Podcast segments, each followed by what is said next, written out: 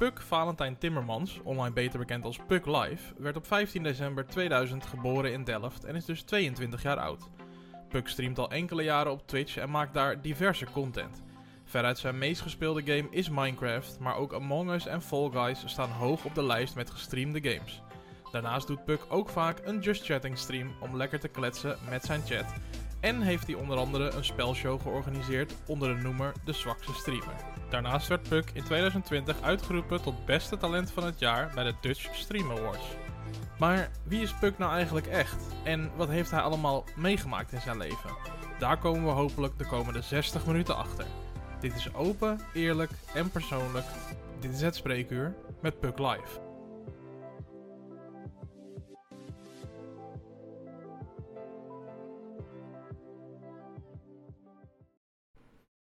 Ja, welkom allemaal bij aflevering 9 van seizoen 6 van Het Spreekuur. De ene laatste van dit seizoen en dan zitten er alweer 6 seizoenen op. Het Spreekuur, de 1 op 1 podcast van Nederland waarin je in 60 minuten zoveel mogelijk te weten komt over mijn gast. En vanavond is mijn gast Puk, a.k.a. Puk Live. Goedenavond Puk.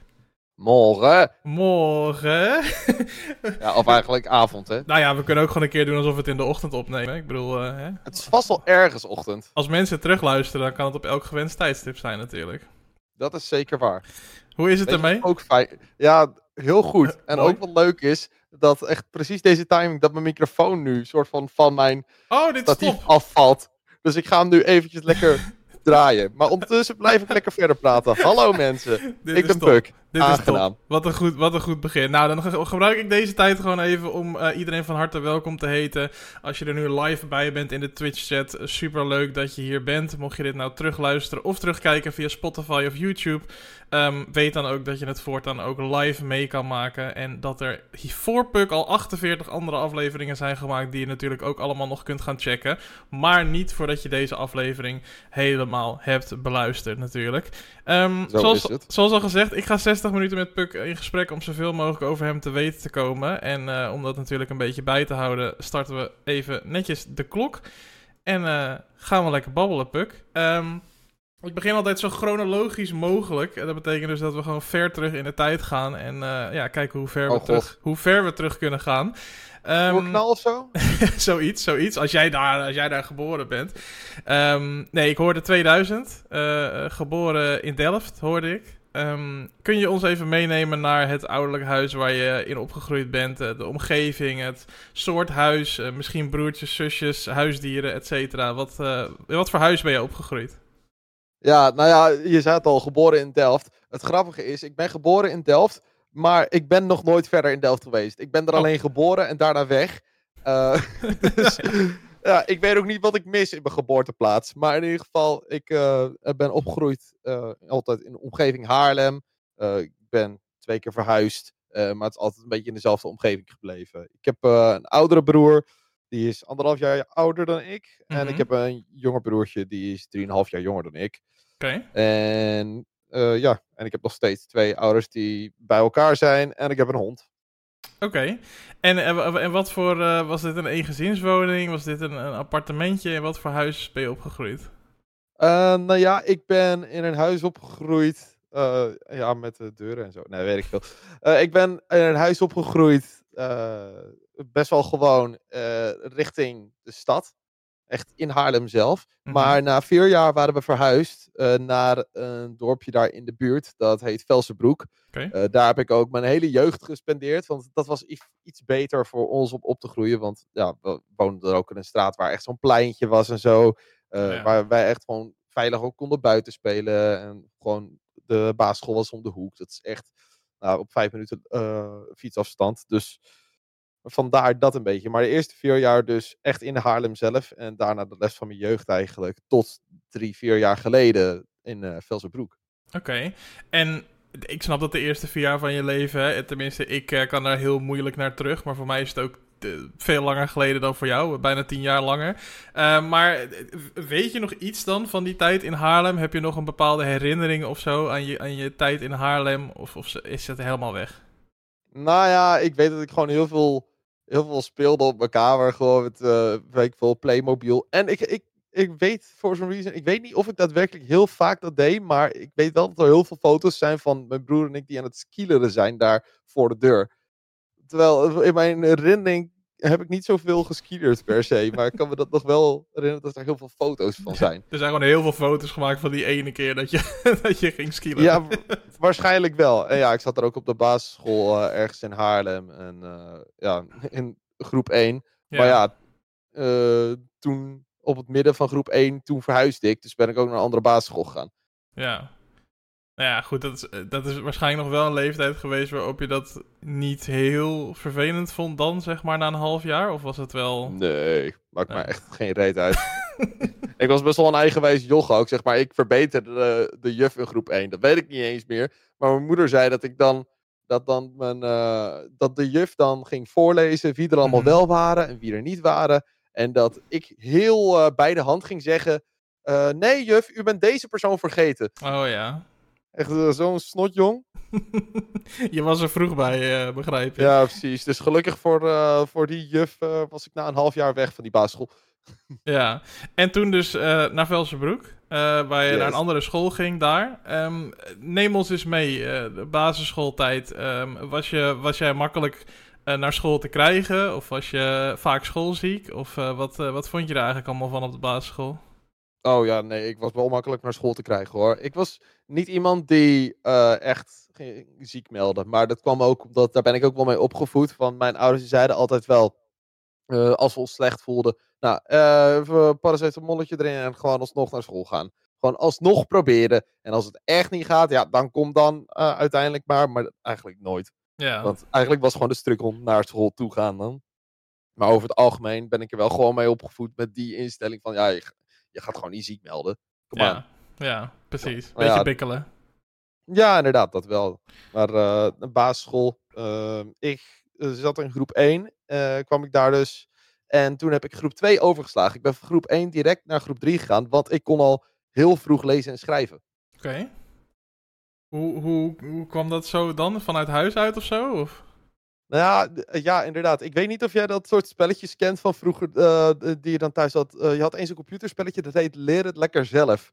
En dan had je daar zo'n eh, CD-ROM van, zo'n DVD of zo. En dan Mhm. kon je dat in je computer doen. En dan waren er allemaal spelletjes. En ik vond dat gewoon leuk. Maar daarmee leerde je dus al lezen en schrijven gaandeweg. Dus daarom Oh, kon ik volgens mij ook ja, e- eerder dan mijn broer lezen en schrijven. Tenminste, eh, ik weet niet of het daadwerkelijk eerder was of gewoon op eerdere leeftijd dan hem. Ja, precies, precies. Oké, Ja. dus dat, eh, dat eh, heeft daar heel erg aan bijgedragen, begrijp ik. Maar je zat dus ook al op een hele, relatief jonge leeftijd achter de computer. Ja, best wel. Ik vond het wel, wel lachen.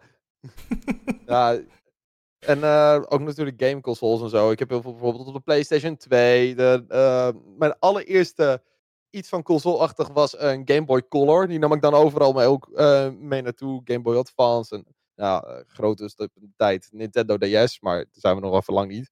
Ja, Maar eh, ja, dat een beetje zodoende. Eh maar, wel, wel goed. maar eh, had jij dan een computer of stond er gewoon een computer ergens in de woonkamer of zo? Ja, er stond gewoon een eh, computer in een soort aanbouwtje wat mijn Ah, vader ja. had gemaakt. Ja. En eh, was die er dan eh, inderdaad eh, voornamelijk voor, voor jullie als kinderen? Of hadden jouw ouders ook iets met computerspelletjes? Nou, volgens mij stond die er echt voornamelijk voor ons. Want hij stond ook op zo'n laag niveau dat, ja... ik zou het niet logisch vinden als mijn ouders, die wel gewoon al volgroeid waren, daar dan bij zouden gaan zitten. Dus hij was echt voor jullie daar neergezet. Ja, ik denk het wel inderdaad. Ja. Nou ja, goed, het heeft je wat opgeleverd blijkbaar, want je kon een klas overslaan. Dat, eh, dankzij de spelletjes die je speelde. Deed je, Ja. deed je dan, eh, nou op die leeftijd misschien nog wel, maar was het, waren het puur allemaal dat soort educatieve spelletjes? Of had je ook, eh, zeg maar, leuke spelletjes die je deed gewoon voor het spelen? Ja, ja van die oude dingen die je op Windows kon, als zo'n eh pinballmachine-achtig iets. Oh, ja, ja. Die ken je vast ook nog wel. Dat, De klassieker. Ja, tuurlijk. En eh, ja, we hadden allemaal gewoon van die dvd's liggen. Heel veel van die Tycoon games heb ik gespeeld. Eh, Dino Park Tycoon, eh, Ski Resort Tycoon. We hadden heel veel van dat soort spelletjes. Nice. Rollercoaster, denk ik ook wel. Ja, Rollercoaster Heb ik dus bijna niet gespeeld. Oh, Terwijl echt? je wel zou verwachten, vanwege dat het natuurlijk een van de bekendste is. Ja, precies. Hey, en, en de basisschool verder zelf, hè? Je zei net zelf al dat je op vrij jonge leeftijd... eh, ehm, eh, had je je woordje klaar in ieder geval. Ik kan me voorstellen dat op de basisschool, naarmate je wat ouder wordt... en ook meer woordjes hebt om klaar te hebben... eh, dat dat misschien nog groeide. Hoe, hoe was jij dan verder als kind op school? Was je... Mm, nou, dat wil ik niet per se zeggen. Ik was wel de jongste in de klas. Dat ben ik trouwens overigens altijd geweest. ben ik nu nog steeds overal. eh, in welke klas ik kom. Maar ehm, ja, ik had, het is niet per se dat ik veel slimmer was dan de rest of zo. Je had ook een soort speciale groep. eh, dat heette dan volgens mij de Vossenclub of zo. Letterlijk, eh, dan werd je door school een beetje begeleid als je eh, een soort van hoogbegaafd-achtig iets was. Nou, daar, daar- daar zat ik dan weer niet bij, weet je wel. Mhm. Maar dat maakte me ook niet uit, want ik vond het gewoon leuk om dat soort spelletjes te spelen. Waardoor ik dus ook tegelijkertijd dingen leerde. Ja. Maar ja, daarom ging de eerste paar groepen gingen wij altijd wel gewoon goed af. En de, de eerste paar groepen en daarna dan? Nou ja, het ging me eigenlijk sowieso de hele basisschool Ah, wel goed af. Want vanaf de middelbare school kreeg ik wel een beetje vanaf de derde ongeveer last. Maar daar zullen we het straks nog wel eventjes over hebben. Mhm. Eh, ja, in principe was de basisschool niet zo'n struggle eh, qua leren. Qua leren was het in ieder geval niet zo'n struggle. Oké, en hoe was, eh, hoe, was het, de sociale kant van, van basisschool Puk? Ging, je, ging je vaak met vriendjes, vriendinnetjes spelen? Of zat je liever achter de computer thuis je spelletjes te doen? Nou, ik wilde heel vaak wilde gewoon eh, spelen met vriendjes en vriendinnetjes. Dat wilde ik altijd wel. Eh, maar ja, er waren ook op een gegeven moment dat een soort eh iets gecreëerd werd waardoor ik werd gepest. Ik eh, ben best wel lang gepest. Een beetje richting nou, eind basisschool en eh, begin middelbare school. Zo lang ben ik een beetje eh, gepest. Het begon denk ik vanaf groep 6 of zo. Mhm. En ik denk dat dat een beetje ook mijn vrolijke, enthousiaste ik een beetje heeft gekild op de basisschool. Want ik was altijd heel vrolijk, heel enthousiast, heel sociaal. Eh, als je echt oude kinderfilmpjes van me ziet, dan denk je echt van, ach, daar is die stuiterbal weer. maar ja dat, eh, ja, dat werd wel een beetje naar beneden gedrukt vanaf het moment dat ik werd gepest. Ja. En hoe, eh, hoe ging je daar dan mee om? Was je een kind dat daarover praatte, thuis of met, met leraren of iets? Ja, ik heb, ik heb best wel veel gejankt, moet ik zeggen. Ik heb best wel veel eh, gejankt, maar op een gegeven moment ook, zeg maar, dan vertelde ik het ook tegen mijn ouders. Van, ja, want ik had thuis bijvoorbeeld, ik had het wel leuk, maar ja, ik had nog wel strijd met mijn broer. Mijn broer die het dan leuk vond om eventjes mij te teiseren, weet je wel. En dan ik die daar dan eh, volop, eh, volop tegenin ging. Want ik denk dat de reden is waarom ik gepest werd, is omdat ik er zo leuk op reageerde. Ik ging, ik ging er altijd compleet tegenin. Nou, echt, Mhm. als ik je een tip mag geven, ehm, ga nooit erop in. eh, geef minder fucks. Want omdat ik dus wel zoveel fucks gaf, eh, ja, gingen ze dus door. Ja. Ja, Ja. precies. Dus daardoor werd je een beetje een, eh, een doelwit. Ja, ze precies. dat gewoon een beetje doorkregen. kutopmerkingen de hele tijd. En nou, gewoon de hele tijd mij proberen op de kast te jagen en shit. Dat ik letterlijk een keer ook jankend de klas uit ben gerend. Omdat ik er echt gewoon klaar mee was. Zo. Ja. Dat was niet even, het was dus niet even 1, 2 opmerkingen. Het was wel even... Nee. Ja, ze waren wel de hele tijd bezig, inderdaad. Ja. En ik voelde mij sowieso eh, soms, ik weet niet wat, maar op de basisschool eh, kon ik gewoon sommige hints niet helemaal begrijpen. Sommige sociale hints, waardoor ik dan eh, bijvoorbeeld, nou ja, dan eh, werd er door de hele klas gelachen en dan begreep ik het niet, weet je wel. En dan voelde ik me daar best wel bui, eh buiten gesloten. Mhm. En ik kan me ook nog één ding eh, herinneren. Dat is dan heel specifiek. Waar dan iedereen in de klas om moest lachen. Maar ik niet zo. Toen moest ik iets van het bord voorlezen. Ja, moest je wel eens van de basisschool. En toen kon ik het niet lezen. Want in groep 7 toen kwam ik er een beetje achter dat ik niet zo'n goede ogen heb. Mhm. Eh, dus, en ik kon het gewoon oprecht niet lezen. Dus ik las iets compleet anders. Nou, de hele klas eh, lachen. En ik begreep het maar gewoon niet. Omdat ik dacht, hallo. eh, ik zie het gewoon legit niet. Ja. Ja, nou, vanaf dat eh, moment en niet lang daarna ook een bril gekregen. Dus ja, Ja, en toen was het opgelost, ja. Tenminste, dat, dat je, kon je het in ieder geval lezen, ja. ja dat scheelde. Ja. Ja. over het algemeen. Nee, ja, het werd er waarschijnlijk eh, aan de andere kant niet beter op. Nee, precies. Het is niet per se dat ik, dat hetgeen is waar ik mee verpest werd. Het was gewoon over het algemeen dat ik erop reageerde. Ja. Hey, Ja. Maar, maar je zegt nu net van, ja, ik heb er wel, eh, wel, wel zo nu en dan om gejankt. En je hebt het ook aan je ouders verteld. Kan je nog herinneren hoe, want voor ouders moet dat echt, eh, eh, lijkt mij in ieder geval, best wel heftig zijn om mee om te gaan. Als je kind thuis komt of zo in tranen en vertelt over de dingen die dan op school gebeuren. Kan je nog een klein beetje terughalen ja. naar hoe je ouders daar dan mee omgingen? Ja, ja, mijn ouders die vonden het volgens mij best wel lastig om ermee om te gaan. Omdat nou, mijn oudere broer, die had het nooit zo moeilijk op de basisschool. Die deed gewoon zijn ding en die werd ook niet gepest. En hij beet wel eens van zich af.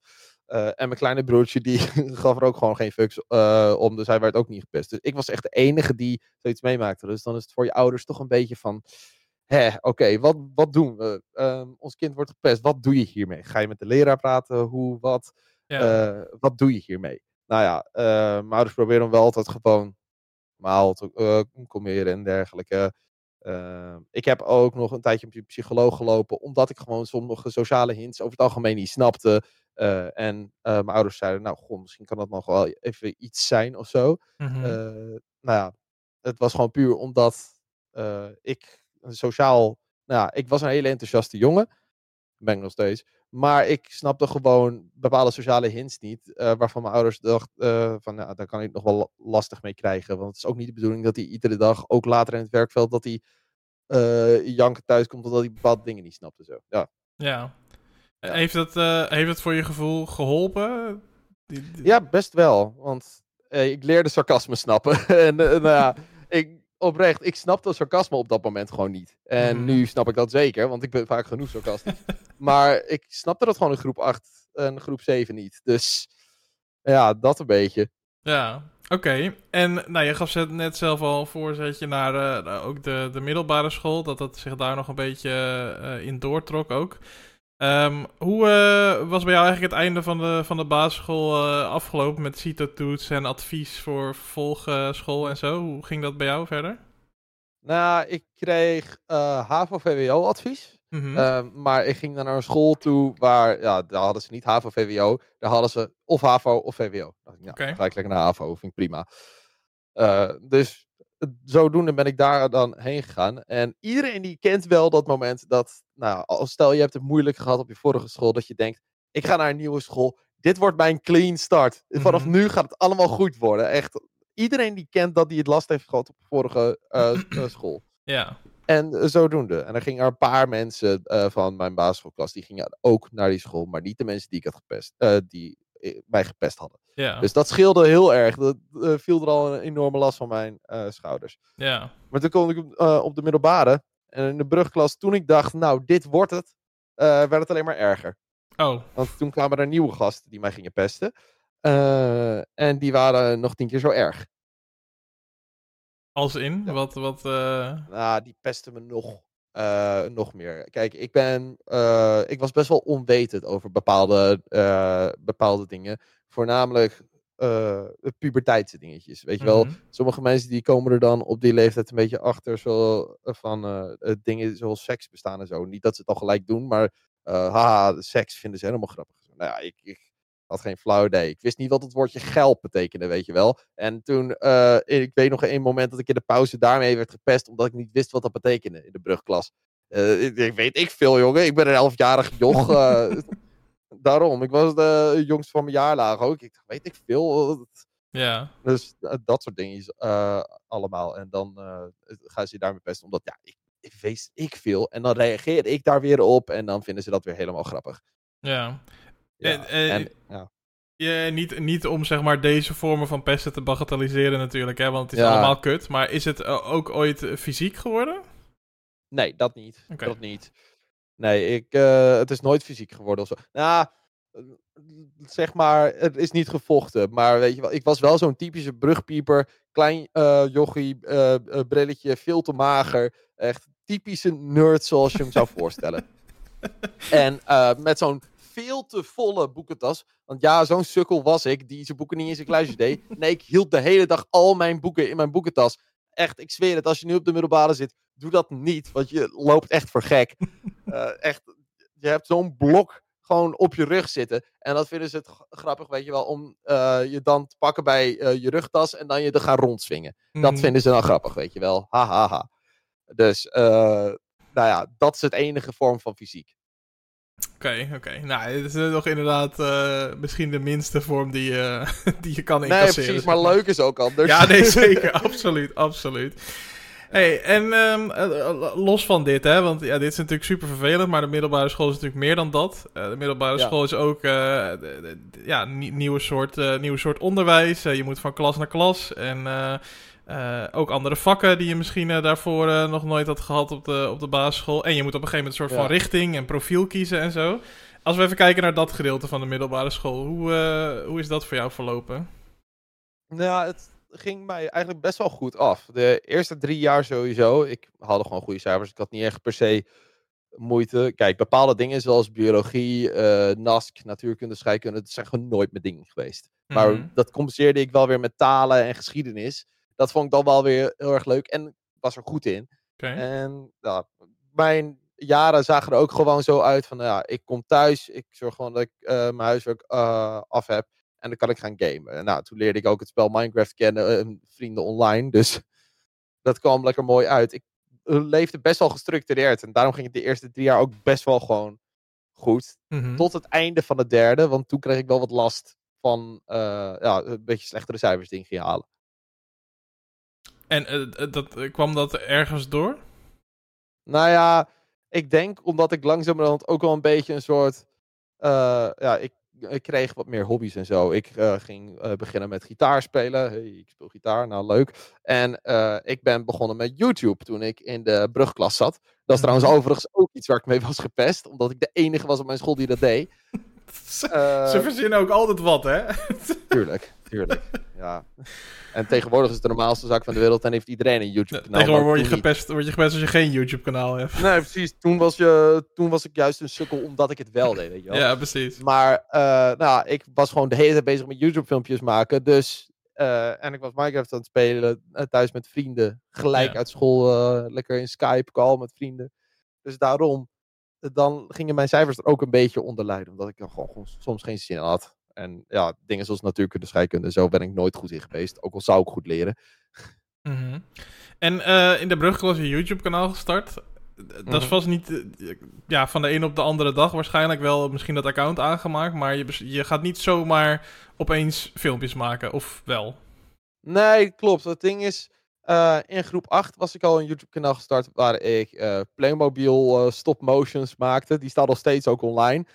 Maar um, dat had ik gewoon online ergens gezien. En toen ik in de brugklas zat, een vriend van mij waarmee ik uh, altijd in Skype zat, die had mm -hmm. destijds een soort groeps YouTube-kanaal waar die alleen maar Minecraft mee uh, speelde. En ik dacht, hey, maar ik wil het ook. Dus uh, zodoende ben ik een eigen YouTube-kanaal gestart waar ik ook dus content ben gaan maken. En ja, voornamelijk Minecraft, maar ook van die spelen.nl spelletjes, die ben ik ook gaan spelen. En was daar, uh, dat was natuurlijk niet live. Dus toen is Puck nee. live nog niet geboren, denk ik. Nee, ik had, ik had geen goed internet. Zeg maar, we, uh, vrienden uh, en ik maakte er ook altijd grapjes over dat ik altijd slecht internet had. En dat ik iedere vijf minuten opnieuw de call moest joinen. Omdat ik gewoon echt zulk slecht internet had. Ik had geen kabel, ik had wifi. En dat was ook nog eens echt trash. Dus dat is echt pas gekomen in 2019 toen ik ben verhuisd. Ja. Maar uh, wat, wat, voor naam, wat voor naam heeft je kanaal toen de tijd gehad dan? nou, ik heb meerdere kanalen gehad. Ik, mijn eerste kanaal uh, waar ik echt consistent op uploadde, dus niet die Playmobil video's, uh, maar echt mijn eerste echte kanaal heette PuckTim Games. maar daar ben ik toen mee gestopt omdat de besters toen achter mijn kanaal kwamen. Oh ja. dus toen ben ik mijn volgende kanaal gestart. Dat heette Gamen Altijd. Ja, ja, ja, ja, ja. Gamen altijd. Nou, ik heb meerdere namen gehad. En toen later was ik klaar met die naam. Dus toen heb ik het veranderd naar Puck is Online. Mm -hmm. Want dat was ook heel lang gewoon een beetje mijn handle. Ja. En, en een beetje rond, uh, ja, ja 15 is dat uiteindelijk veranderd. Ja. En uh, uh, misschien een open deur dit, hè. Maar je bent gepest een aantal jaren lang. Dan besluit je iets te gaan doen op het internet. Waar ja. mensen op de makkelijkste manier ooit natuurlijk ook vervelend tegen je kunnen doen. Um, ja, je, was dat dan niet spannend om te gaan ondernemen, zoiets op internet? Vond je dat dan niet. Oh. Uh... Nee, dat vond ik echt niet spannend. Maar daar, dat boeide me ook niet zoveel. Want Eh, ja, weet je, je kan haat krijgen over internet. Maar om haat te krijgen moet je wel kijkers hebben. En die had ik toen niet. dus die had ik niet. Ik kreeg, ik kreeg geen comments. En uh, misschien is dat ook maar beter. Dus daarom. Beste verdediging ooit tegen pesten. Tegen hey, online pesten. Wel... Geen kijkers hebben. Hey, het, is wel, uh, het is wel zo. hey, ik had destijds gewoon geen kijkers. Dus dat is logisch. En, en, en, wat vond je daar dan van? Zeg maar, want je stopt tijd in natuurlijk en je vond het wel leuk om te maken. Maar ik neem aan dat je, je gaat het uploaden om het uiteindelijk wel dat iemand het bekijkt. Natuurlijk. Ik vond dat hartstikke leuk als ik dan daadwerkelijk iemand dat bereikt. En als ik een keer een comment kreeg, dat nou, vond ik geweldig. Ik sprong een gat in de lucht. Ik uh, denk van, yo, iemand die heeft gewoon daadwerkelijk de moeite genomen om een comment achter te laten. Vond ik mhm. geweldig. Ja. Uh, maar ja, het was niet per se mijn doel om bekend te worden of wat, uh, wat dan ook. Ik vind mezelf overigens nog steeds niet bekend, hoef ik ook niet te worden. Maar uh, ja, ik dacht dan wel van, oké, ik zou het leuk vinden als het mensen uh, bereikt. Want ik het gewoon leuk vind om filmpjes te maken. I mean, op de basisschool maakte ik ook altijd met mijn broertje en de buurjongen. Dan uh, pakten we een camera erbij om gewoon te gaan filmen of iets dergelijks. Maakten we van die korte sketches. Dus, I mean, zonder uh, YouTube had ik het namelijk dan ook wel gedaan. Ja, precies. Dus het, het proces, het maken voor jou, dat was eigenlijk veel belangrijker dan of je er bekend mee werd of volgers kreeg of wat dan ook. Ja, zeker. Oké. Ja. En um, nou ja, dus, dus de cijfers gingen wat slechter, begrijp ik, in het tweede gedeelte van, uh, van de middelbare school. Hoe is dat dan afgelopen? Nou ja, ik uh, weet nog heel goed dat in het einde van de derde, toen zou ik eigenlijk blijven zitten. Maar toen had mijn natuurkundedocent, die dat jaar na dat schooljaar zou stoppen, had hij gezegd: Oké, eigenlijk mag dit niet. Maar als jij nou even een extra verslagje schrijft over een random uh, natuurkunde onderwerp, kijk die eventjes na. En uh, nou, als ik hem goed genoeg vind, dan geef ik jou precies het cijfer wat je nodig hebt om over te gaan. nice. En zodoende. Dus dankjewel, meneer van Natuurkunde. ik heb toen een verslag geschreven over Chernobyl. Nou, dat vond hij helemaal goed. Dus. nou ja, dat, dus, is, dat is lekker. Ben ik, ja, toen ben ik in de vierde vijftig uh, gekomen. Nou, je kiest dan een profiel. Uh, ik had cultuurmaatschappij. Ja, ik weet het, pretpakket. Maar dat betekende dus ook dat ik uh, wat dingetjes had laten vallen. Zoals dus al die natuurvakken. Dus dat scheelde al enorm voor me. Ja. Dus, dus daar werd het al meteen dan wel weer een stuk leuker uh, van voor jou. Ja, ja, dat zeker. Ja, ik, maar het ding was ook in de vierde, vijfde.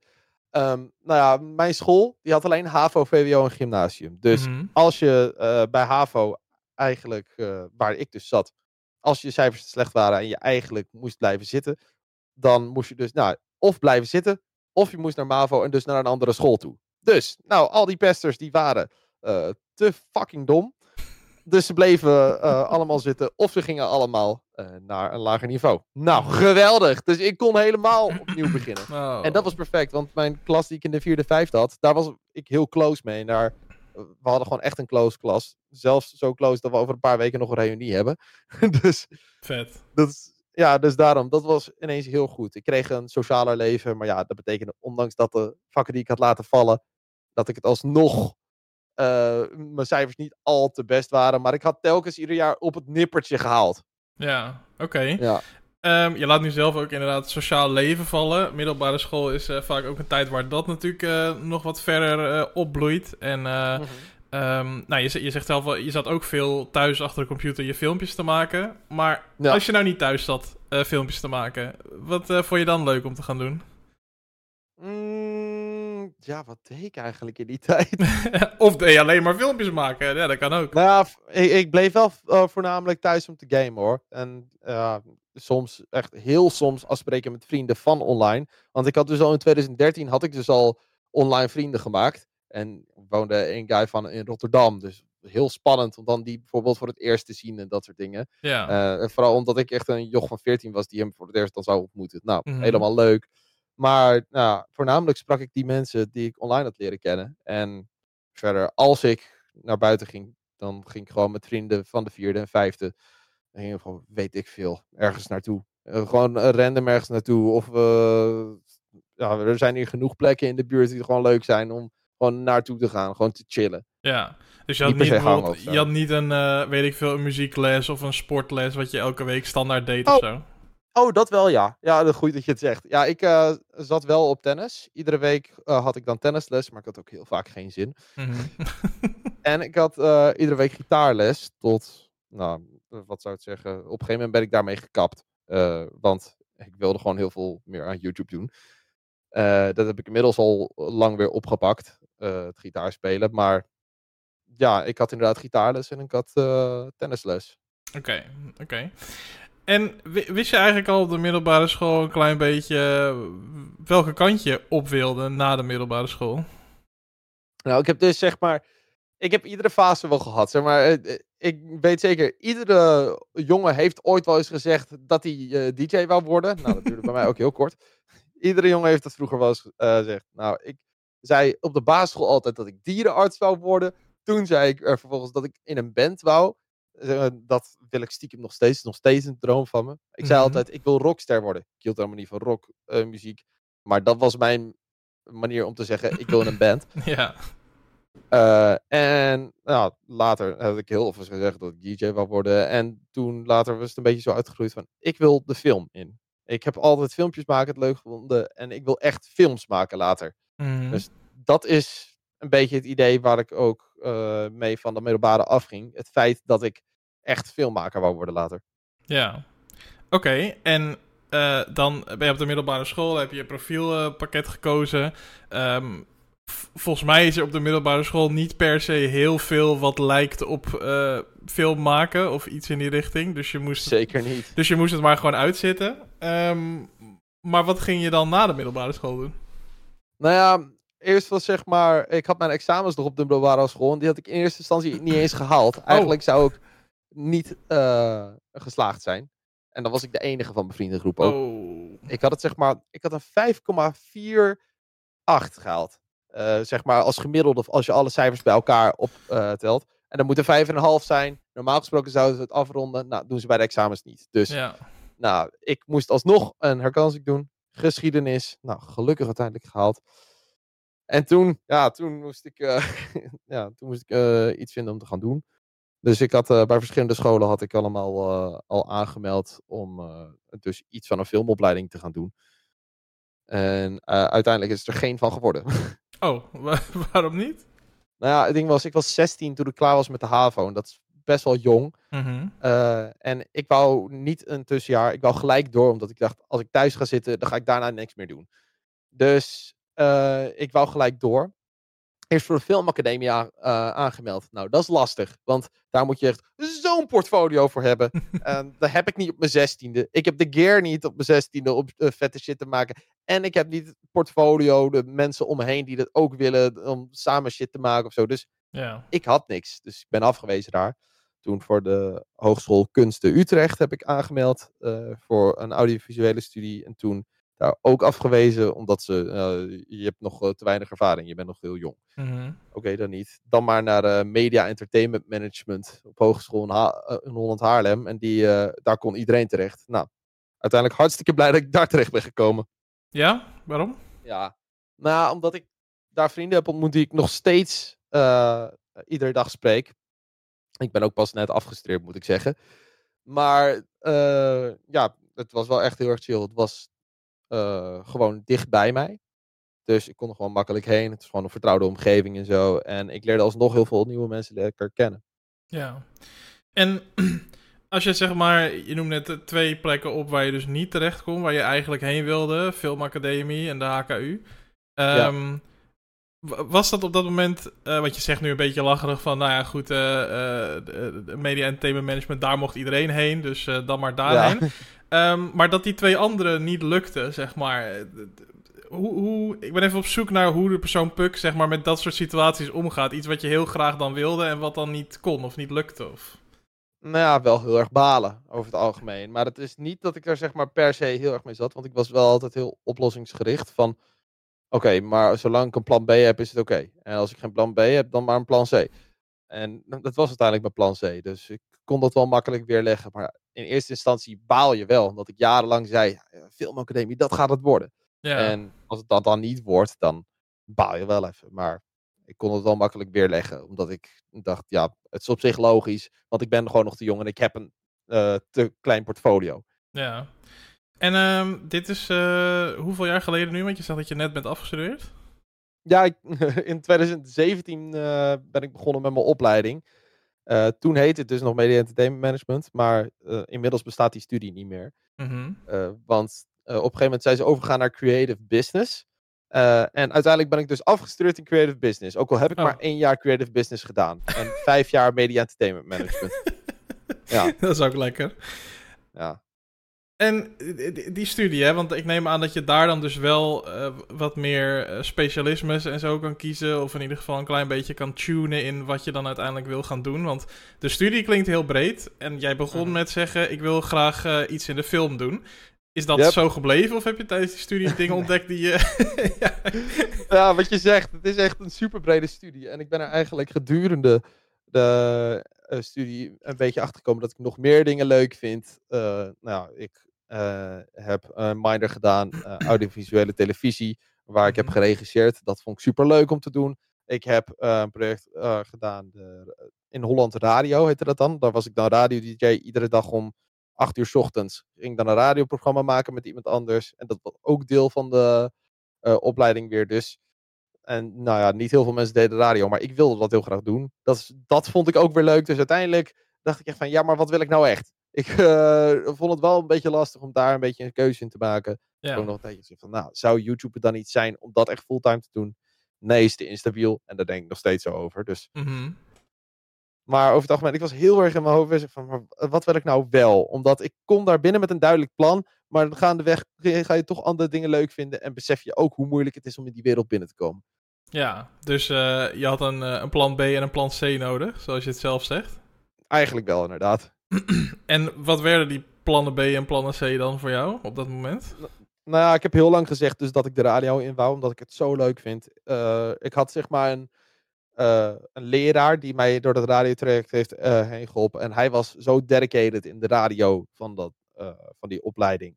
Dat, nou, hij heeft het een beetje op mij overgebracht. En zo sta ik altijd wel een beetje in het leven van, als jij wordt opgeleid door iemand die heel gepassioneerd is over een vak, dan ga je dat zelf ook wel leuk vinden. Heb ik hetzelfde mhm. met geschiedenis op de middelbare.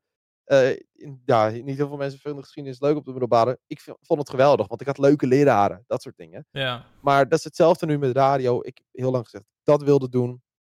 Televisie dacht ik gewoon van, ja, ik, ik vind het leuk om gewoon een beeld te maken. Mm en ja, dat was een beetje mijn uh, plan B en C's. Ik dacht van, nou, dan ga ik voor de radio. Dat moet beter te doen zijn. Ik heb al een soort opstapje. Uh, maar ja, op een gegeven moment begon ook mijn social media te groeien. Dus dat werd ook een dingetje. dat ik dacht, oh, maar dat is misschien interessant. Dus dat was dan weer een soort mijn plan D.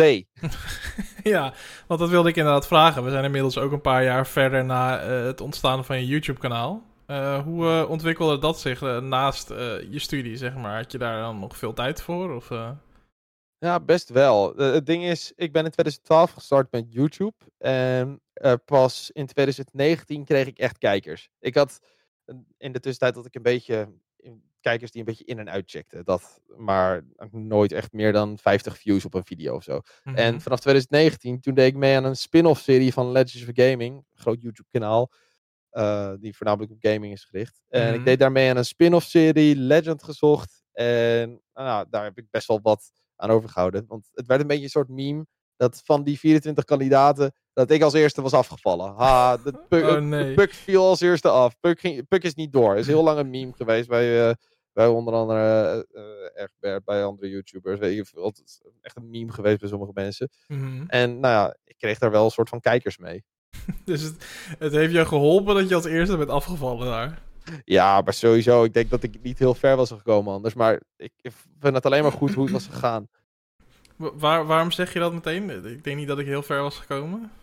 Nou, omdat als ik nu op mezelf terugkijk, denk ik, daar staat wel een hele andere puk dan nu. Want nu ben ik veel meer, uh, heb ik iets meer scheid uh, over het algemeen en durf ik iets meer. En toen merkte ik toch dat ik het spannend vond van, oh, in een nieuwe studio, uh, ik moet in een of andere studie van een hele grote corporate-achtig iets, moet ik ineens een filmpje gaan maken met iemand die ik net uh, heb leren kennen. Dat was dan Puxke, een andere streamer. Die had ik net leren kennen en moesten wij een duo-video gaan maken. Uh, daar, nou, ik vond het niet per se spannend, maar ik was wel een beetje van, wat moet ik doen? Want ik heb altijd alleen video's gemaakt in mijn kamertje. Ja, Dat is inderdaad wel even een switch natuurlijk. Mhm. Eh, maar hoe, hoe was het eh, verder dan voor jou dat je... Hoe ben je, hoe je er eigenlijk überhaupt terechtgekomen dan? Kon je gewoon aanmelden of zo? Of? Ja, nou ja, ik heb altijd dat YouTube-kanaal gevolgd. eh, ook de Engelse variant. Maar ik ben er toen op gekomen omdat ze op Instagram hadden gezegd van... Yo, hey, je kan je aanmelden. Nou En ja. vervolgens ben ik daar terecht gekomen. Ik weet nog dat ik op school werd gebeld van... Hey, Puk, je bent gesele- geselecteerd. Zou je die dag willen langskomen? Ik denk, oké. En toen heb ik daar ook best wel wat mensen leren kennen. Ook weer bij, bij Log. Dus dat scheelt. Ja. Je zegt dat dit een, een, moment was waarop je dus ook eh, wat meer kijkers begon te krijgen. Je social media begon te groeien. Eerder in het gesprek zei je, eh, initieel je YouTube-kanaal was gewoon leuk. Je vond het gewoon leuk om filmpjes te maken en nooit over nagedacht überhaupt van, eh, ga ik, kan ik hier bekend mee worden of zo. Ehm, hoe, hoe werkt dat bij jou op het moment dat je die cijfers op ziet lopen? Doet dat dan wel iets met je? Nou ja, het deed me wel wat van. Oh, nou, tenminste, de cijfers deden me in, eh, eerste instantie wel gewoon van: oké, leuk, maar dit, eh, want dit groeit. Maar hetgene wat ik nog leuker vond, is: ik had eindelijk mensen leren kennen die dezelfde passie hebben als ik. Want mijn vrienden altijd, die vonden het wel leuk wat ik deed, maar het boeide ze niet zo heel veel, dat het hele YouTube-ding wat ik deed. Mhm. Ehm, maar nu bij Legend, eh, bij Legend of Gaming leerde ik ineens mensen kennen waarvan ik echt dacht: Oh, maar die vinden het ook leuk om filmpjes te maken. Oh, die vinden het ook leuk om te livestreamen. Want ik ben een maand voor Legend of Gaming gestart met mijn Twitch-kanaal. Eh, dus ik dacht echt van: eindelijk mensen waarmee ik kan bonden over hetzelfde wat we leuk vinden. Dus dat was het voornamelijk hetgene waar ik echt goed op ging. Ja, gelijkgestemde mensen zeg maar vinden. Ja, oprecht. De mensen waarbij je een beetje kan sparren over content ideeën. en waar je echt samen enthousiast kan zijn over je passie. Ja, lijkt me inderdaad ook heel lekker om dat, eh, om dat te ervaren natuurlijk. Ja, Ehm, zeker na zo'n lange tijd om dat niet te hebben. Ja, en, eh, en dat wakkerde dus ook wel wat, wat eh, ambitie aan bij als ik je er zo over hoor praten. Nou, best wel. Ik er was wel van, oké, ik wil hier wel gewoon... Ik vind het gewoon echt heel erg leuk om te doen. Eh, ik begon heel erg veel op Twitch te streamen, want dat kreeg ik een soort kleine community eh, mee van nou, een vaste 20 mensen die toch wel keken. En ik dacht, dit is leuk. Gewoon, ik heb een soort eigen community. En ik heb daar heel veel waarde aan gehecht en hecht nog steeds echt aan mijn community. Om gewoon echt, deze mensen breng ik dan bij elkaar en ze kijken allemaal naar mij. eh, en ze worden misschien zelfs wel samen vrienden. Ik vond dat heel erg leuk. Maar ik had niet per se ambitie om echt mega big YouTuber te worden of zo. Nee, nog steeds gewoon kleinschalig en gewoon leuk. Ja, ja, weet je, het zou leuk zijn als ik ooit de 100.000 abonnees aantik. Maar over het algemeen eh, zou ik het niet fulltime willen doen of zo. Nee. Ehm, dus die studie en het YouTube-kanaal, dat loopt allemaal. Hè? Eh, Maar ik kan me ook voorstellen dat je op een gegeven moment toch echt wel zeg maar, keuzes moet gaan maken. In, eh, nou, je bent nu dan afgestudeerd. Hè? Is misschien een beetje een snelle, een snelle sprong, maar ik ben toch nieuwsgierig. Ehm, je komt op een punt dat je keuzes moet gaan maken. Want het zit 24 uur in een dag, 7 dagen in een week. Je kan niet Ja. alles blijven doen. Ehm, eh, hoe, hoe, ja, hoe, hoe zit dat dan voor jou? Want eh, de studie die je afgerond hebt, wil je daar iets mee gaan doen? Of ben je nu toch met YouTube dat je zegt, ik wil daar meer mee? Nou ja, ik ben dus. eh, ik heb inmiddels een fulltime baan.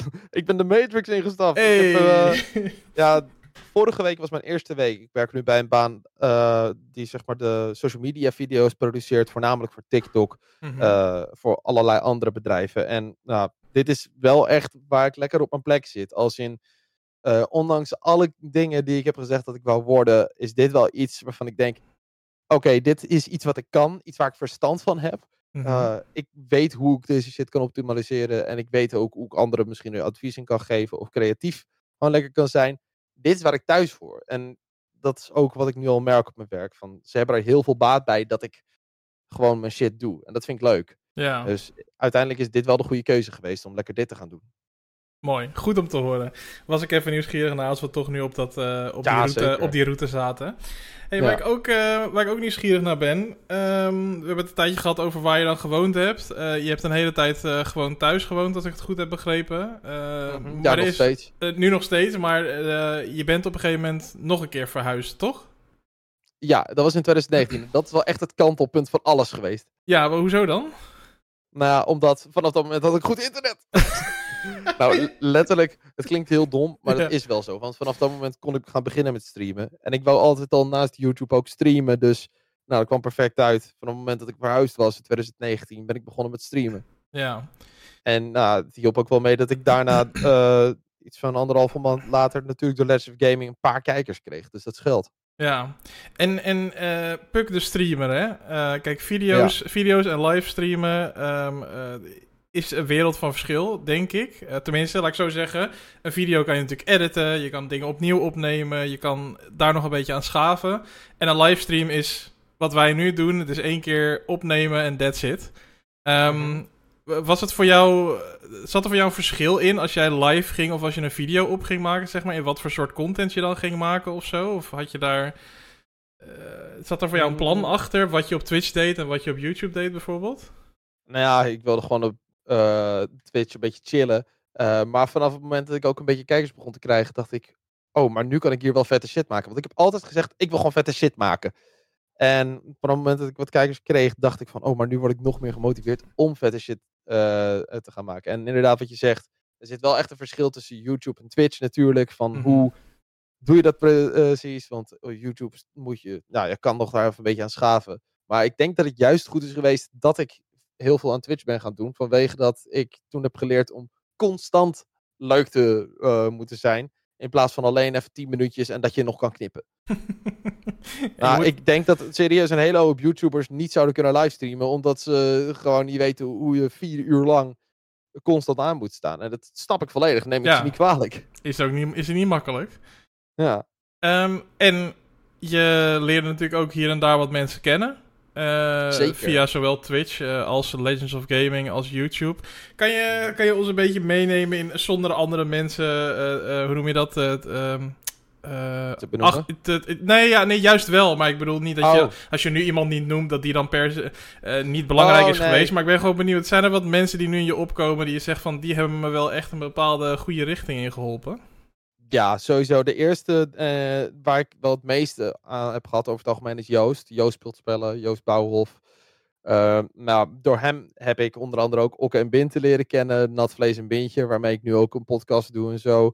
Ehm, maar Joost heeft mij wel een beetje, ja, hij heeft mij wel een beetje de goede richting in eh. Hij heeft mij betrokken bij dingen. Mhm. Vanwege dat hij, eh, nou ja, op een gegeven moment speelde ik heel veel Warzone samen met eh Okke, Binte en Joost. Nou, in eh, zodoende betrok Joost mij ook een beetje meer in andere dingen, zoals dus ook opnames voor Among Us. En ook later, eh nou, Nederland is een Bee. Eh, dat is een groot Minecraft-project voor de mensen die dat dus niet weten, waardoor ik heel veel toen ben gegroeid. Mhm. Maar ik denk dat Joost degene is waar ik vooral het meeste aan heb gehad. En voornamelijk, eh, ik denk ook iemand zoals Ryan, waar ik heel veel content ideeën altijd mee heb besproken. En waar ik altijd samen enthousiast over shit kon zijn. Dat, Mhm. ja, Ja, Han Ryan Ent even eh, voor ja, de... hem Ryan Ant inderdaad. Ja, precies, ja. Hey, ik, ben even nieuwsgierig, hè. Je laat nu een Nederlands S&P vallen, hè. We gaan er echt niet lang over praten, want daar is waarschijnlijk al heel veel over gezegd. Maar ik ben er Ja. één ding nieuwsgierig, nu ik eindelijk iemand heb, zeg maar, eh, v- die, die daar onderdeel van is geweest. Ik ben alleen even nieuwsgierig. Het was een gigantische hype. Het heeft je heel veel following opgeleverd. Heel veel, dat hoeven we niet moeilijk over te doen. Maar ik ben wel Ja. nieuwsgierig of jij wel eens gedacht hebt van... wat als Nederlands S&P stopt, kan ik al deze mensen wel vast blijven houden, zeg maar? Of waren ze alleen maar hier voor Minecraft en ga ik ze nu weer verliezen?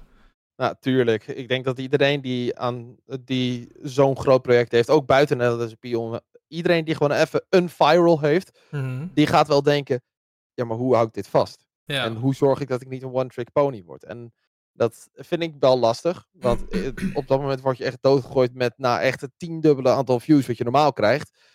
Eh, en ik heb dat tot de dag van vandaag weet ik nog steeds niet hoe. Hoe, hoe hou je zoiets vast?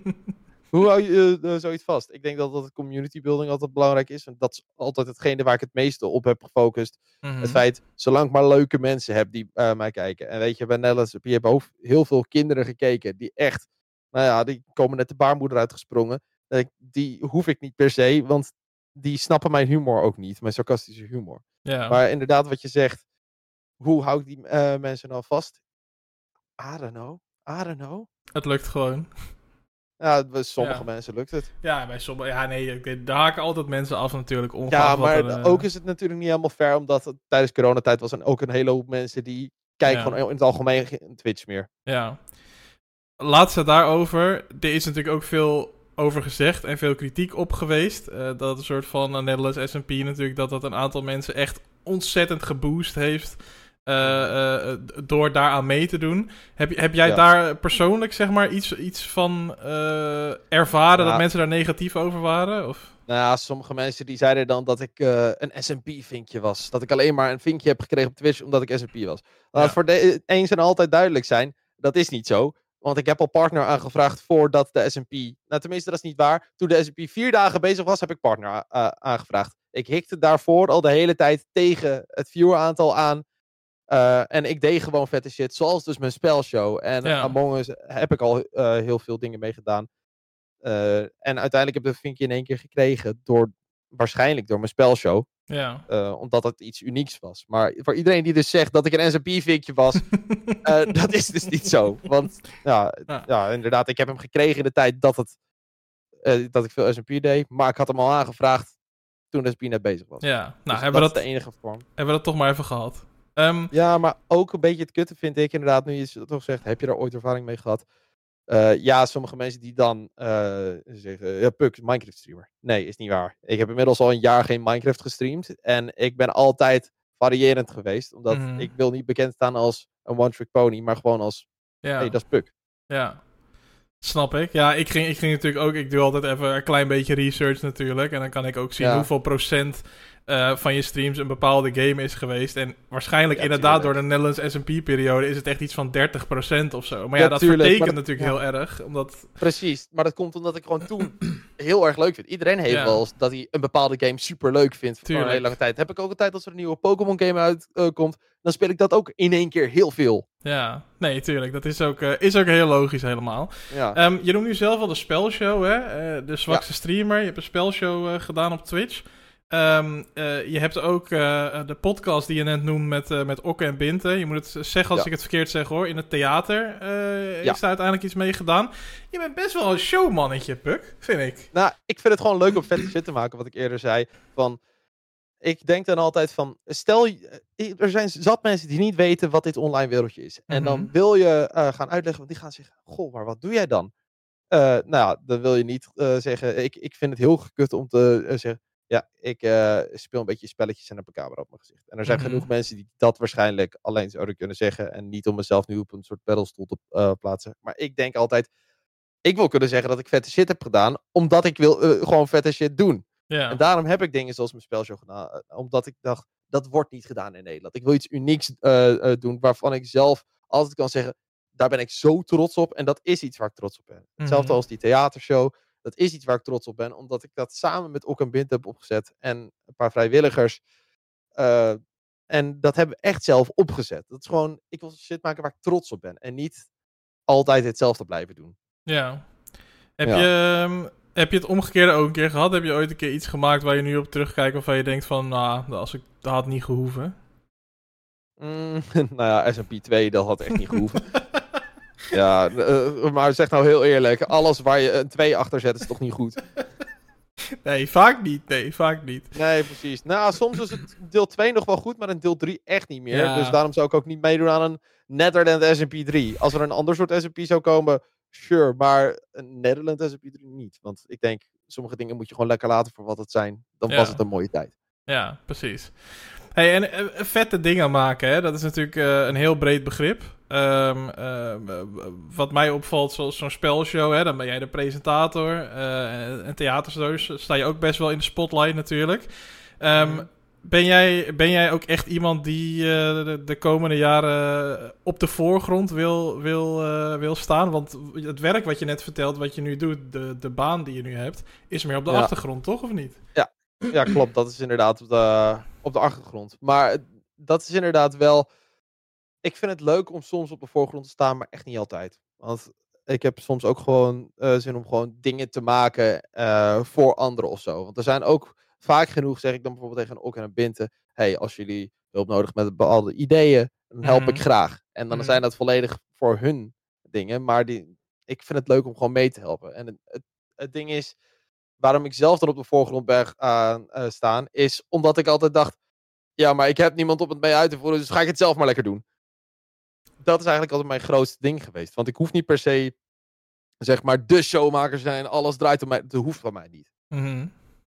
Nou, het- het- ik ga niet liegen als ik eh, zeg dat ik het inderdaad wel leuk vind om erkenning te krijgen voor dingen. En ja, maar ja, dat is gewoon puur omdat al op het moment dat je iets vets maakt, maar jij staat eh, niet zelf in beeld, dan krijg je toch minder snel de, uh, Ja. de erkenning ervoor.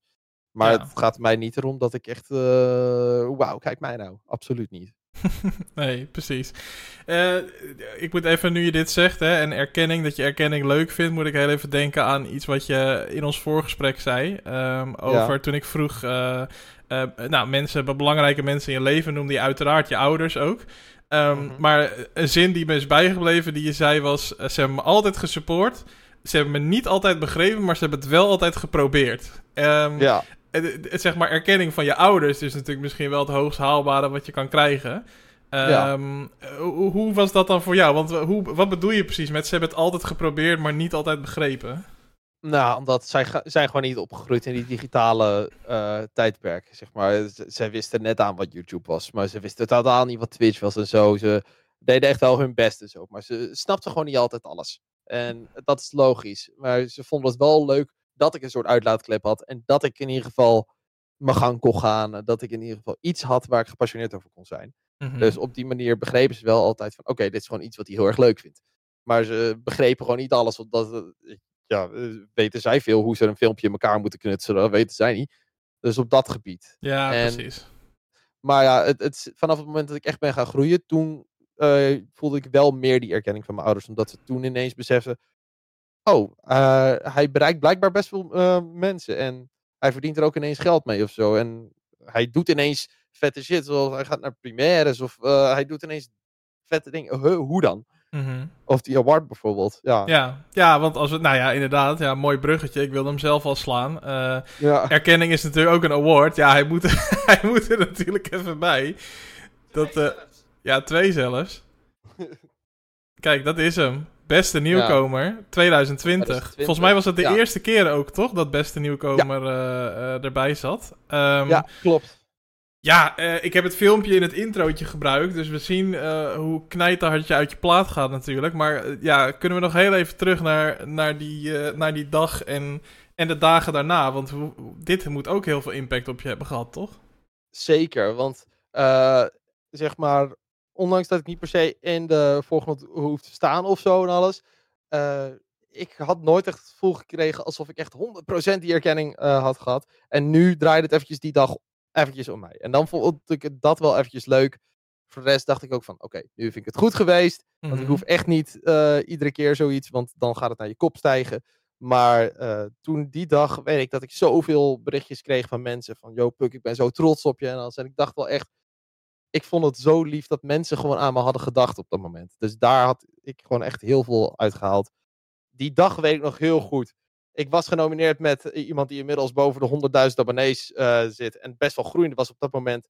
Dus ik haalde twee vrienden van me op van het station die erbij wilden zijn. Dus ik had hun uitgenodigd. Gingen we lekker gewoon hier zitten, biertjes drinken en die, Mhm. eh, en die uitslag kijken. En we zeiden al, waarschijnlijk ga ik niet winnen. Maar weet je, hoe dan ook, gaan we gewoon lekker biertjes drinken. Ja. En als ik win, dan is het leuk meegenomen. Nou, niet verwacht dat ik zo dik zou winnen.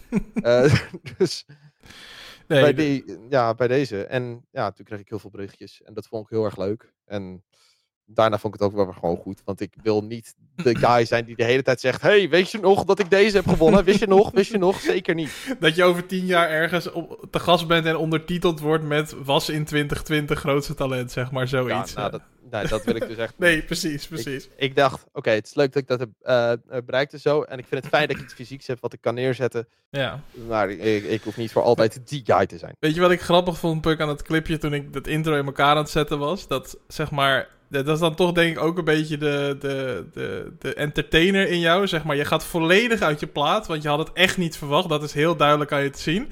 Maar je hebt nog wel de, de tegenwoordigheid van geest om even, volgens mij, op je, op je stream deck klik je even de switch van de scène aan, dat, dat ook in beeld komt, zeg maar, wat de uitslag was. Terwijl je was helemaal door dolle heen, maar je switcht nog wel even die scène. Dacht ja, klopt. Vanwege dat ik dacht, anders zien mijn kijkers het helemaal niet. ja. Nou, het- en het ding was, oké, hier ga ik eventjes compleet eh, de stream was even exposen.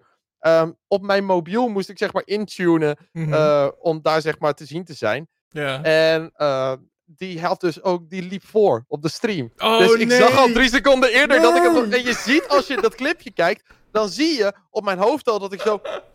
En toen zagen mijn vrienden het nog niet. Maar je keek toen daar, eh, gewoon naar mijn scherm toe. En toen zag ik pas echt... Dus ik dacht, ik mag nog niet reageren, ik mag nog niet reageren. Nu wel! Wat goed, wat goed. Nou ja, goed, maar laat ik zo zeggen, je was in ieder geval, de verbazing was wel, je wist niet van tevoren dat je zou winnen. Dat, dat, laat ik Nee, het zo zeggen. niet. En eh, ik vond het gewoon super mooi. Dat, ik zie jou echt zo, zo je stream deck zoeken, zo, "Ah, ik moet wel scènes switchen. Zeker. dat is toch die entertainer, hè, die, die, die toch zorgt dat het goed in beeld komt allemaal. Ehm, Ja, natuurlijk. Hey, ehm, eh, ik ben nog naar twee dingen benieuwd. Eh, het eerste is ehm, eh, eh, eh, nog een grappige opmerking van jou, is dat jij, als jij jezelf moet omschrijven, Puk, dan noem jij, noemde jij een dier toen ik dat aan je Oh, wat heb ik... oh ja, wacht, dat weet ik alweer. Jij noemt jezelf Oh, een golden retriever. Ja, klopt. Zo ik- word ik altijd door mijn vrienden opgeschreven. Waarom? Met, eh, nou, met het voorbeeld, nou, als, ik, als we op een feestje zijn, dan is het, oh, waar is Puk? Oh, wacht, hij is vast wel weer met random mensen aan het praten. En dat komt omdat ik het altijd gewoon leuk vind om nieuwe mensen te leren kennen. Eh, dus ik sta ook altijd gewoon met random mensen dan te praten. Gewoon van, nou, wat doe jij dan? Omdat ik gewoon heel geïnteresseerd ben in andere mensen. Wat leuk, wat leuk. En, eh, en dat, dat, dat komt je vaak wel ten goede, denk ik dan. Als je zo sociaal Ja. bent, toch? Ja, Jij kan nou ja, overal wel, ik kan jou in elke groep neerzetten en je redt je wel waarschijnlijk. Ja, niet elke, maar wel veel. Omdat Oké, ik denk veel. van, ah joh. Ja, en al, als ik het niet red, ja, dan ga ik lekker weg, toch? maar ik vind dat wel leuk om een beetje aan te voelen bij mensen. Van, oké, wat, wat kan ik hier maken? Wat kan ik hier niet maken? Ja, een beetje aftasten. Ja, precies. En gewoon een Ja. beetje mensen leren kennen. Ook al zie ik diegene eh, na die avond nooit meer, eh, maakt me niet uit. Ik vind het leuk om gewoon mensen te leren kennen. Ja, nou, Puck de Golden Retriever. Het bleef me meteen bij toen je het zei, dus ik dacht, ik moet het, eh, het moet even gezegd zijn.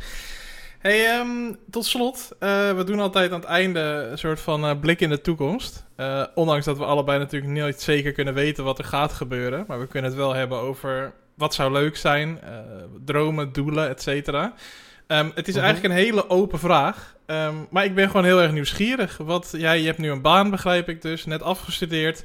Ehm, je hebt een, eh, nou, volgens mij prima lopend YouTube-kanaal, prima lopend Twitch-kanaal. Maar zoals we net ook al zeiden, moeten daar misschien keuzes in gemaakt worden ooit. Voor de schermen, achter de schermen, ook op privégebied. Shoot, wat, wat zijn de plannen? Nou, ik hoop dat ik gewoon nog steeds nog lang genoeg YouTube mag doen. Kijk, waarschijnlijk gaat het wel iets minder zijn dan de afgelopen jaren. Omdat ik nu al merk, met 40 uur per week. Ja, dat lukt gewoon niet altijd. Maar ik wil het nog altijd doen, omdat het echt mijn hobby is. Mhm. En daarom wil ik het ook niet gaan zien als iets waar ik echt moet gaan strijden voor views of zo. Omdat ik denk, ja, weet je, als er views komen, dan komen er views. En als er geen views komen, dan niet. Omdat Ja. ja, ik heb gewoon een vaste baan daarnaast. Daar verdien ik lekker mijn geld mee. Mhm. Ik hoop dat ik daar nog lang mag blijven. eh, en dat dat me ook nog steeds gewoon genoeg oplevert. Dat ik misschien wel later zelfs meer kan gaan verdienen. Eh, nou, ik heb eh, sinds kort een vriendin. Ik hoop dat ik daar ook nog heel lang samen mag mee eh, blijven. Het liefst natuurlijk voor zo lang als mogelijk. Dus Ja. dat, en ik hoop gewoon nog heel veel te zien. Want ik heb nog heel veel, ik heb nog heel weinig van de wereld gezien over het algemeen. Het klinkt heel basic of zo, maar ik, ik wil gewoon nog reizen en shit. Want ik ben voornamelijk gewend aan het Europese cultuurtje. Mhm. Maar ik heb eigenlijk nog vrij weinig van de rest van de wereld gezien. En dat zou ik nog wel willen. Heb dus- je echt specifieke plekken waar je graag naartoe zou willen? Ik zeg altijd dat ik het Noorderlicht nog wil zien. Dus, en dat komt echt door een film die ik vroeger heb gezien. Brother Bear. Dat ik het echt Noorderlicht vet vind. Dus iets van IJsland of Zweden of zoiets. Dus dat voornamelijk. Oké, heel helder. En eh, ja, nee, ja, goed. Nee, ik denk dat het een heel mooi, mooi toekomstbeeld is. En eh, eh, ja, ik hoop voor jou dat je gewoon lekker de balans kan vinden die voor jou werkt. tussen tussen Ja. alles wat je doet. En inderdaad, je baan en Ja. het, het, het, het video's maken tussendoor. En, Ja, precies. Ik, ik bedoel, ik wil echt nog wel ooit de 100.000 abonnees halen. Omdat het toch wel een mijlpaaltje is. Ik wil gewoon vette shit maken en vette shit bereiken. Dat Ja. wil ik gewoon doen. Dat ik niet Ja. zeg maar ooit erop terugkijk en dat ik denk... Nou, ik heb eigenlijk helemaal niet mezelf uitgedaagd of zo. ja. Komt er nog een nieuwe spelshow dan? Ik heb gezegd eh, begin dit jaar van wel, maar eh, I don't know. I don't know. Misschien is het juist ook wel goed om dat eventjes te laten liggen. Vooral omdat ik het livestreamen ook steeds juist minder ben gaan doen. Livestreamen doe ik nu voornamelijk gewoon chillen. En mijn Ja. focus ligt echt op YouTube. Mhm. Ja. Ja, dat is ook waar mijn passie is, waar het altijd begonnen is. En heel veel mensen kennen me misschien als streamer. Maar ik ben altijd in mijn hart meer een YouTuber geweest. Dus dat is altijd weer wel hetgene wat, waar ik het cirkeltje rond mee wil maken. Ja. Oké, duidelijk. Hey, ehm, ja, voor mij is de tijd weer gevlogen, want eh, we zijn er alweer doorheen. Uh, ruim, jij eh, het? ruim 60 minuten. nee, Ja. nee, nee, nee, zo beginnen we nooit, hè? Nee, nee ik, eh, ja, ik vind het gewoon sowieso altijd... Het is heel cliché, maar ik vind het altijd super interessant. Omdat ik heb nu 50 afleveringen gemaakt en ze zijn allemaal anders. En eh, Ja. ik vind het gewoon super leuk. Kijk, eh, jij bent ook weer zo iemand, Puk. Die, die ken ik wel, maar die ken ik eigenlijk niet, zeg maar. Dus ik weet wie jij Nee, bent.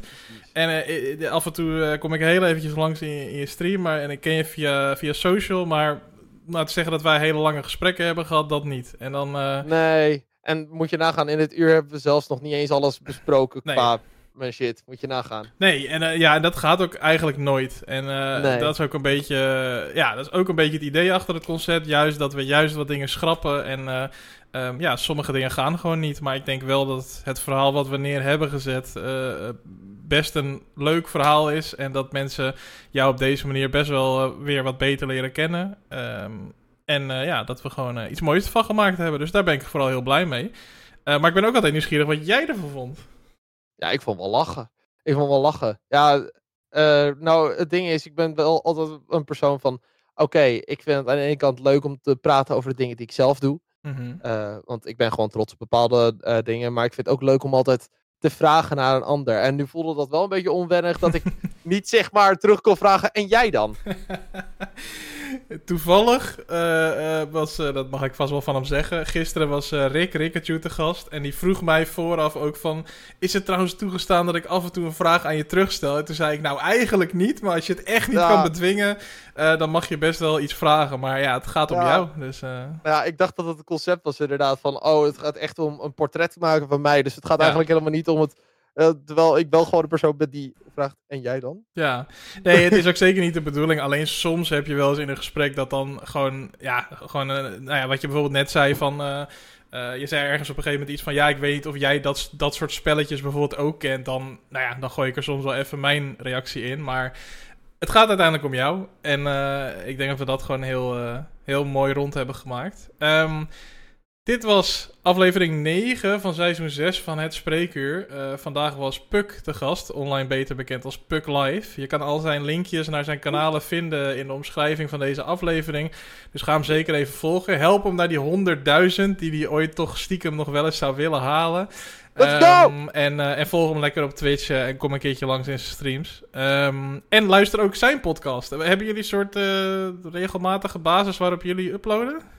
Ja, nu is het seizoen eventjes afgelopen. Maar anders altijd elke woensdag om 12 uur. Elke woensdag om Op 12 Spotify, uur. YouTube, Google Podcast en eh, alles. Allemaal te vinden. Ik eh, drop Ja. een linkje erbij. En oude afleveringen kan je natuurlijk checken. Totdat ze weer nieuwe afleveringen gaan maken. Ehm, ja, goed. Dan rest me niks anders dan iedereen heel erg te bedanken eh, voor het luisteren. Ehm, dit was dus aflevering 9. Dat betekent dat er nog één aflevering komt dit seizoen. Aflevering 10. En die is met Jan Meijroos. Ehm, eh, Ik wou het net vragen. Van, eh, ja, game- en tech, eh, tech eh, journalist. Ehm, op 6 september, dus dat is volgende week woensdag. En dan eh, zit dit seizoen er alweer op. Ehm, Nice. ja, daar hebben we er weer 10 op zitten. Eh, het gaat allemaal zo gigantisch snel. Het is echt bizar. Maar in ieder geval, dit was de aflevering met Puk. Dat is het belangrijkste om te onthouden. Luister vooral een van de andere afleveringen terug die je kunt vinden op Spotify en op YouTube. En dan eh, wens ik jullie voor nu een hele fijne avond of ander moment van de dag waarop je dit luistert. En dan eh, hopelijk eh, tot de volgende keer bij een volgende aflevering van Het Spreekuur. Yo, drop even die love! Oké, dan kunnen we hem daar in ieder geval even